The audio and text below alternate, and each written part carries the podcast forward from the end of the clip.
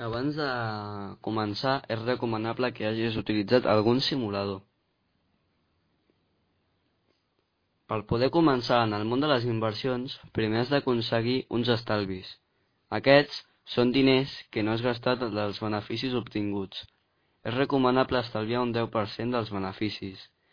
Després, has de veure en què inverteixes i si s'adapta als estalvis que invertiràs.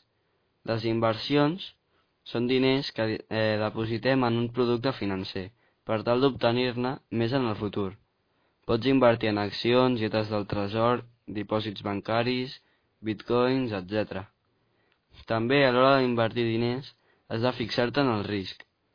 El risc és la probabilitat tant de treure beneficis eh, com de perdre diners. Aquests són les despeses. A molt risc, molta probabilitat, a poc risc, però poca probabilitat.